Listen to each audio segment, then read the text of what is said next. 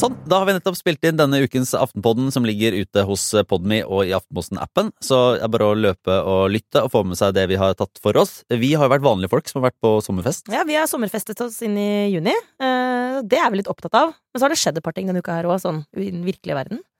Det har eh, absolutt skjedd et par ting, eh, og noen har mange fått med seg, og andre ting har ikke så mange fått med seg. Vi har snakket litt om Emilie Enger Mehls eh, problem med å vise empati, og så har jeg vist at jeg har følelser, faktisk. i et øyeblikk. Ja, Ja, det har du faktisk. Kjetil har faktisk vist ja, det. og eh, vi har snakka om Freia-boikott, Ja. eh, og litt revidert. eh, Selv om det på en måte hadde gått litt under radaren hos, hos noen. Og så har jo Trine, da, som har måttet løpe ut i et møte nå rett etterpå, fortalt om sin ekstremt eksklusive middag og i det hele tatt uke. Ja. Og så har vi lagd en ny regel for juni og sommeravslutninger, som alle må følge. Det er et pålegg. Så stort og smått eh, i denne ukens Aftenpodden. Eh, Løp på litt, altså hos Podme og i Aftenposten-appen. Den er ute nå. Ha det bra!